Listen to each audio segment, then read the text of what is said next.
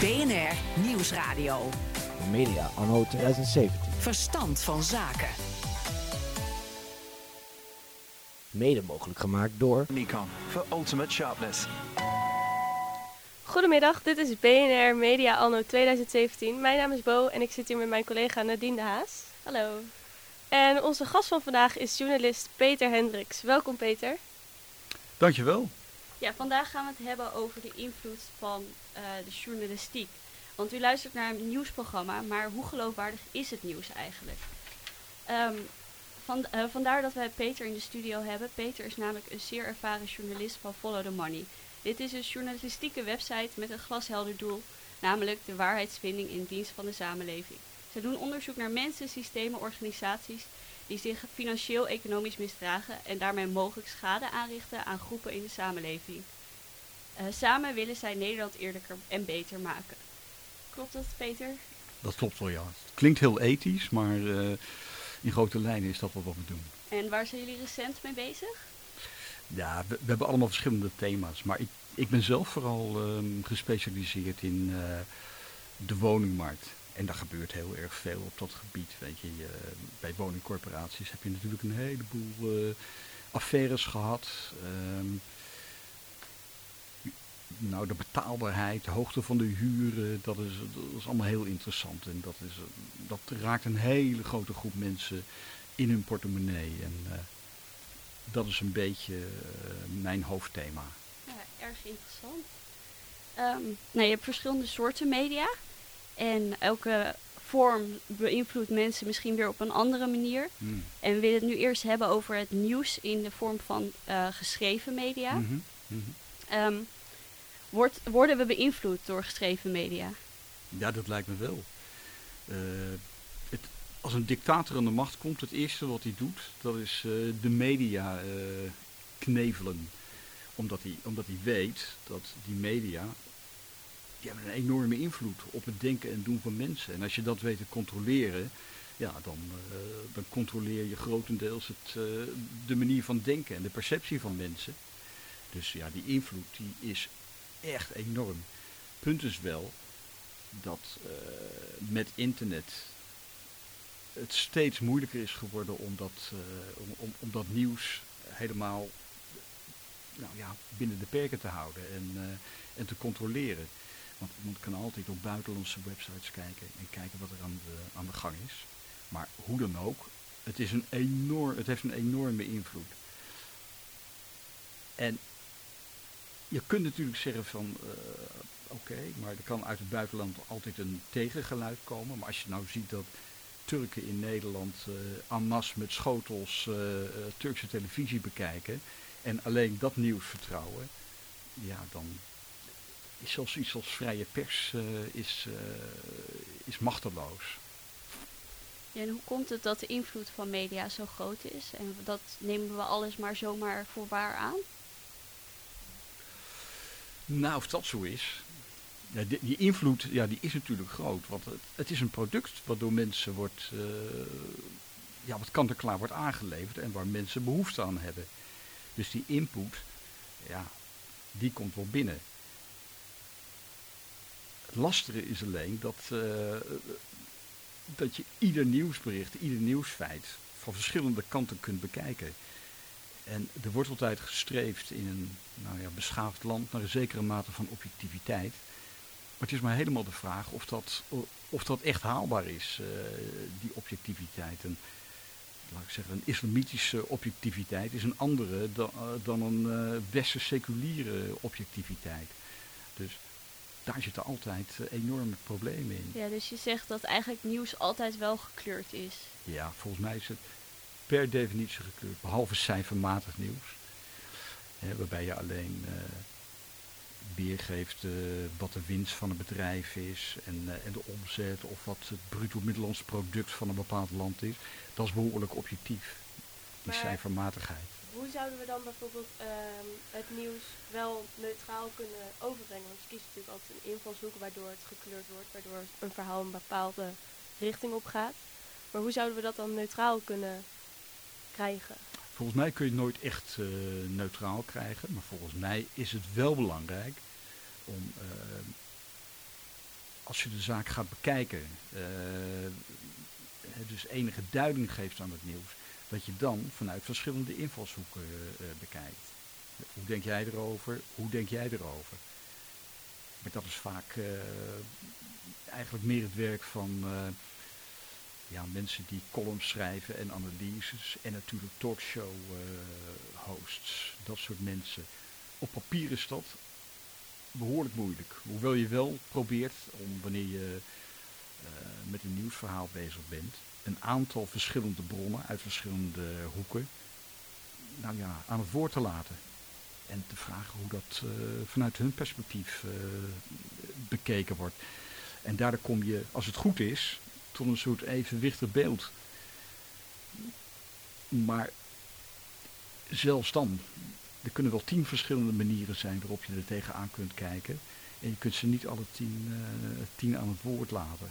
En in hoeverre denk je dat de journalist die tekst schrijft, dat die invloed heeft in hoe eh, de mensen het nieuws ervaren of hoe hun mening daardoor wordt beïnvloed? Ja. Ei- Eigenlijk altijd wel. Misschien, misschien niet heel erg bij, laat ik zeggen, eh, ANP-berichtjes of, eh, of, of nu.nl. Maar zelfs dan ja, kun je het natuurlijk. Alleen al het feit of je iemand een terrorist of een vrijheidsstrijder noemt. eh, dat, eh, dat voelt totaal anders, maar eh, Ja, doen journalisten, kiezen die bewust voor een bepaalde term of een bepaalde manier hoe ze iets vertellen? Nou, het, het- ik denk dat het veel meer in de cultuur zit. Het, het zou heel raar zijn om hier eh, jihadisten te omschrijven als religieuze vrijheidsstrijders. Dat dat, dat Ja. komt niet geloofwaardig over. En toch worden ze in grote gedeelten van, van de wereld worden ze zo gezien. Dus ja, het, het is bijna niet mogelijk om op dat gebied eh, in, in een land als Nederland objectief te zijn. Dat, eh, je, vindt die jongens geen vrij. Niemand vindt dat, behalve dan eh, strenge islamieten. Die zeggen van ja, dat zijn een soort vrijheidsstrijders. Dat zijn religieuze soldaten. Dus ik, ik denk dat dat heel, heel erg moeilijk is om het, eh, om het echt zo neutraal te houden. Dat je zegt, ja, hier is geen eh, spel tussen te krijgen. Denk je dat het iets kwalijks is? Dat het gewoon altijd ehm, toch wel gekleurd is en nooit helemaal objectief? Ja. Je schrijft natuurlijk voor een bepaald publiek. En een krant is, is bijvoorbeeld ook een, eh, een- een product dat vermarkt moet worden, dat verkocht moet worden. Dus ik denk dat, dat kranten ook heel erg eh, de neiging hebben om een bepaalde kleur te geven, omdat dat de kleur is van hun publiek, van hun lezerspubliek. En dat geeft niets, zolang er ook maar nieuwsbronnen zijn eh, die de andere kleur benaderen. Maar ik, ik denk dat dat streven naar totale objectiviteit tot hele saaie journalistiek eh, zou leiden.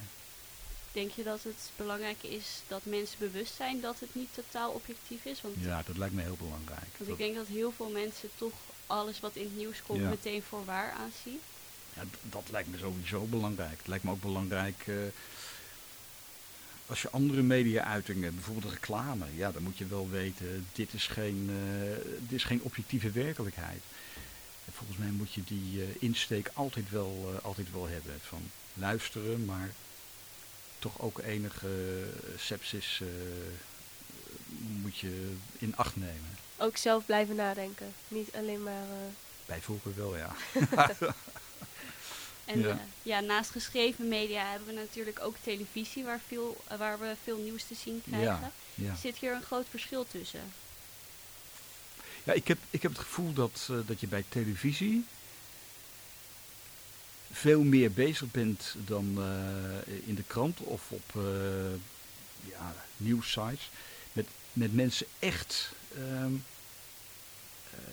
in te vullen, zou ik bijna zeggen. Hè, het, is, het is een heel indringend medium. met filmpjes erbij. Het, het NOS-journaal bijvoorbeeld, dat heeft een, ja, een hele hoge status. Mensen nemen dat, eh, dat voor waar aan.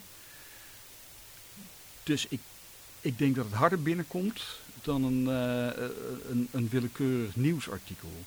En het wordt ook gemaakt om, eh, om, om hard binnen te komen. En eh, daar moet je dus heel, heel erg oppassen eh, dat je niet een zodanige kleuring aan geeft dat het, dat het niet meer journalistiek is.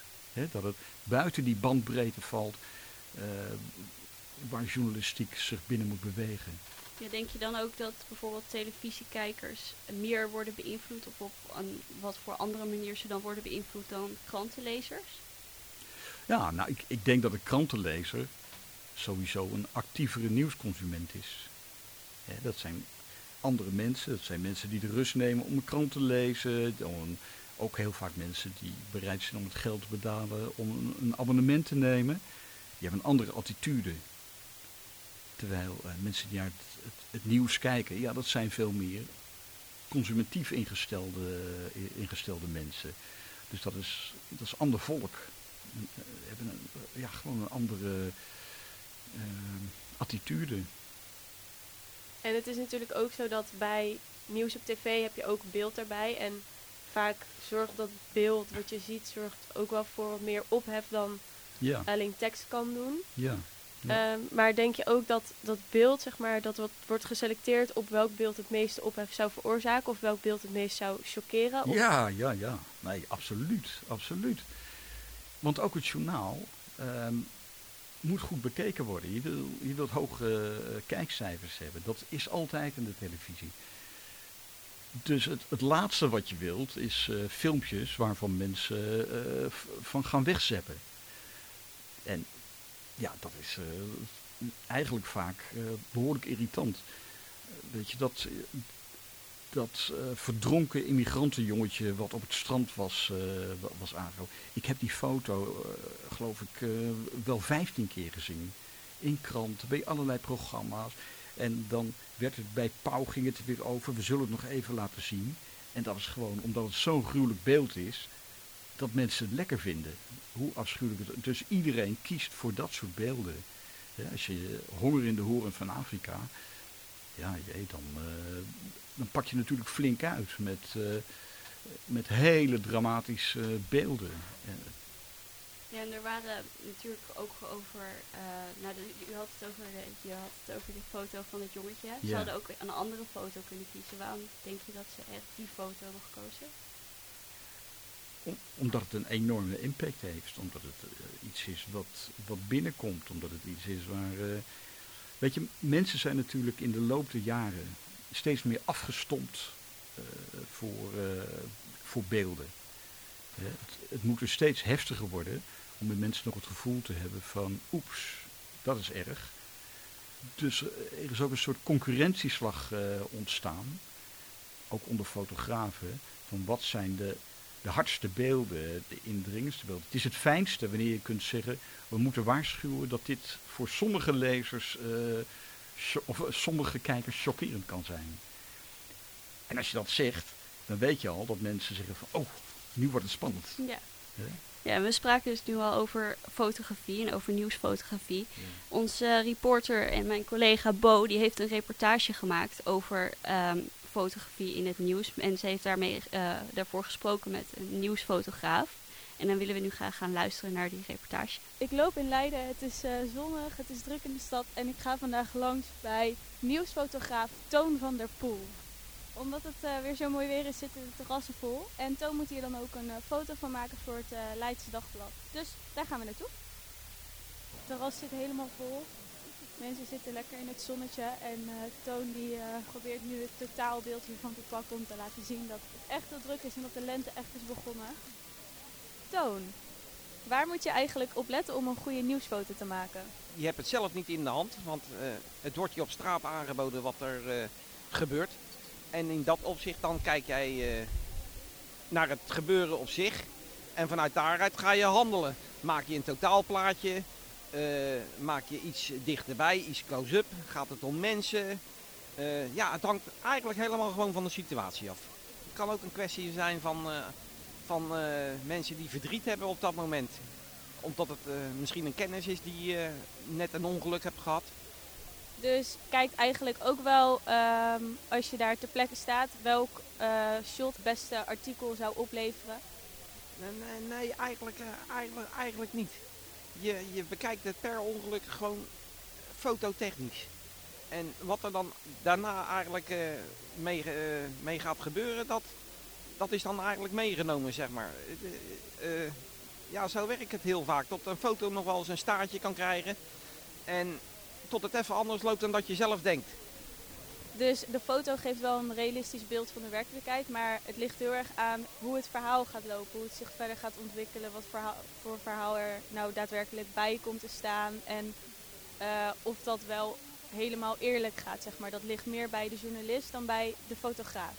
Ja, dat, eh, dat vind ik wel. Ik eh, handel altijd uit eh, eigen waarneming. En soms dan kan het, eh, kan, eh, kan het wel eens kantelen, een fotootje. Volgens Toon is het dus zo dat de foto's nou niet per se de meningsvorming van de mensen beïnvloeden, maar dat dit vooral ligt bij de journalist en bij het verhaal dat bij de foto wordt verteld. Eh, hij zegt wel dat de foto's, ja, die kun je natuurlijk ook beïnvloeden en mooier maken dan het verhaal eigenlijk is, of erger maken, dramatischer maken. Maar dit is eh, iets waar hij totaal niet mee eens is. Het is dus wel zo dat het gebeurt en je kan daar niks aan doen. BNR Media anno 2017. Dit is BNR Media anno 2017. We hoorden zojuist een reportage over nieuwsfotografie... waarin Bo Thomas de fotograaf Toon van der Poel interviewde. Ik ben Nadine de Haas en ik zit hier samen met Bo... en we praten met journalist Peter Hendricks van Follow the Money. Eh, Peter, Ja. ben jij eh, het eens met wat eh, Toon vertelde over fotografie? Dat de foto eigenlijk wel een realistisch beeld geeft, maar dat ehm, het artikel dat erbij komt eigenlijk eh, de waarheid, de werkelijkheid soms een beetje kan verdraaien? Nou, wat, wat hij zegt is, is misschien waar, maar het is niet zo dat iedere foto die jij maakt geplaatst wordt. Er is een selectie. En hij zegt van ja, af en toe eh, eh, kan het ook een foto zijn van mensen die verdriet hebben. Nou, ik kan je garanderen dat als er een foto is eh, over een ongeluk en eh, hij, heeft een, eh, hij heeft daar een, een huilende, ontzette vrouw bij, dan komt die foto in de krant. Dus hij kan wel zeggen, ja, ik bekijk het als een fotograaf en wil gewoon de werkelijkheid weergeven. Maar bij dat selectiemoment op de redactie gebeurt ook nog heel erg veel. Zou het onze mening negatief kunnen beïnvloeden dat juist die foto's worden gekozen? Dat het de objectiviteit in de weg staat misschien?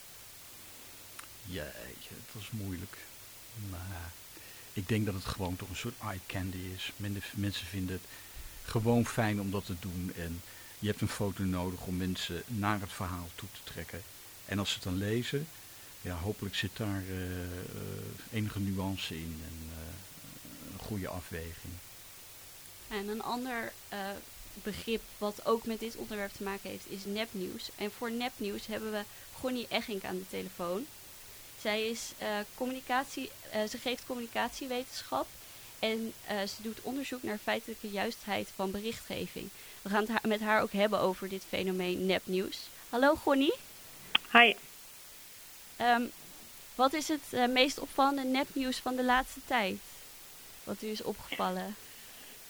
Oh, nou wat ik me zo voor de geest, dat is een moeilijke vraag. Ehm, wat ik me voor de geest kan halen is eh, het berichtje van ehm, Geert Wilders over ehm, onze D66-man eh Pechtold. Het fotootje dat eh, gemanipuleerd was. Het is een beetje een niet actueel voorbeeld, maar het, het is wel een heel duidelijk voorbeeld. En het punt dat ik niet eh 1, 2, 3 een voorbeeld kan eh, bedenken, eh, is omdat er in Nederland misschien niet zo heel erg veel nepnieuws voorkomt. Nou, dat is misschien ook juist iets goeds, gelukkig. En u bent, eh, communicatie, u bent docent communicatiewetenschap. En Ja. nepnieuws is natuurlijk ook heel interessant voor de communicatiewetenschap. Waarom is dit boeiend, denkt u? Eh, waarom het boeiend is? Eh, omdat alles te maken heeft met eh, de manier waarop het publiek informatie tot zich neemt en hoe het publiek informatie verwerkt. Of met hè, wat voor invloed jij bijvoorbeeld als journalist hebt met jouw berichten op het publiek. Het gaat eigenlijk om, om effecten, media-effecten, zeg maar. En ehm, wanneer valt nieuws dan eh, echt onder nepnieuws? Aangezien het in Nederland dus niet heel vaak voorkomt. Maar zoals uh, jij ook al zei, dat voorbeeldje van Wilders die uh, in een, in een, ja, een demonstratie had gefotoshopt. Dat is dan dus nepnieuws. Maar wanneer heb je bijvoorbeeld een artikel of een... Wanneer is het, valt het iets onder nepnieuws?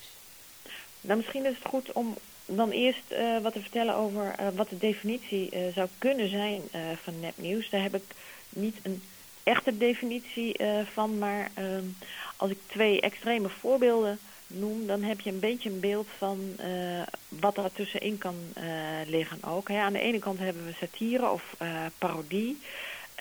denk aan Arjen Lubach, denk aan de berichtjes op de Speld of op de achterkant van de Volkskrant. En de bedoeling van de makers is uh, om het volk zeg maar voor de gek te houden. En niet per se om mensen te beschadigen. Aan de andere kant van dat uh, spectrum heb je uh, mensen of robots die 100% nep-informatie maken. Ook met de bedoeling om het publiek op te lichten of uh, mensen te beschadigen om mensen kwaad te doen. En daartussenin heb je nog twee gradaties, zeg maar. Um, misleidende informatie, hè, waarbij je informatie over een bepaald onderwerp geeft uh, en door het niet plaatsen in een goede context mensen een verkeerd beeld krijgen van een feit of een uh, situatie. Um, en um, een ander type is zeg maar uh, informatie die echt bedoeld is om mensen te bedriegen. Waarbij je misschien wel correcte bronnen gebruikt, uh, maar die informatie zo manipuleert um, dat er alsnog sprake is van bedrog, zeg maar. En bij die eerste, bij dat misleiden, hè, kun je denken aan het framen van uh, bepaalde informatie. En bij die tweede vorm die ik net beschreef, um, gaat, het, gaat het echt om het bedriegen van mensen. En dan wilde u tot slot nog vragen wat het grootste gevaar is van nepnieuws. Um, nou ja, het grootste gevaar is dat um, de samenleving daardoor ontwricht zou worden.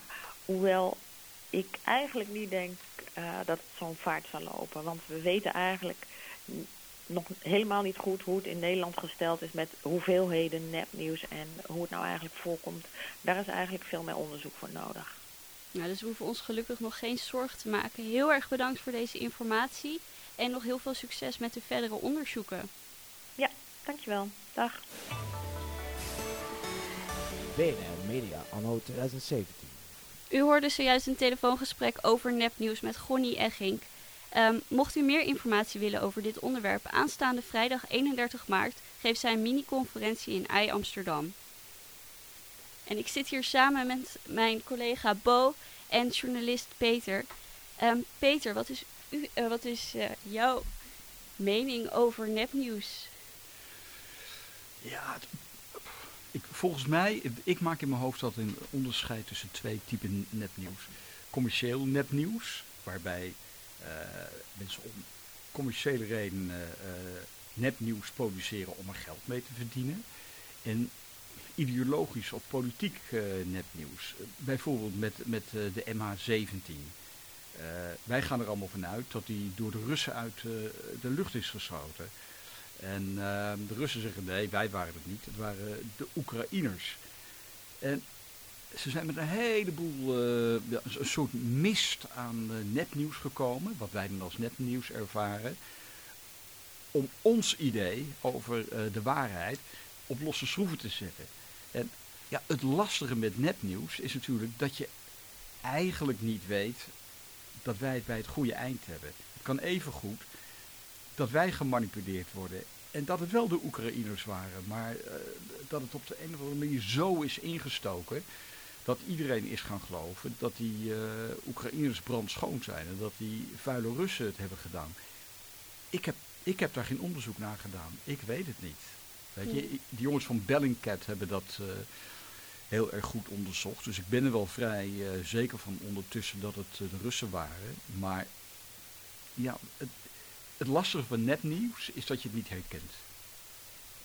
Ja, dat is natuurlijk ook lastig. En zoals Gonnie al zei, hoeven we ons gelukkig nog niet te veel zorgen te maken, omdat het niet vaak in Nederland voorkomt.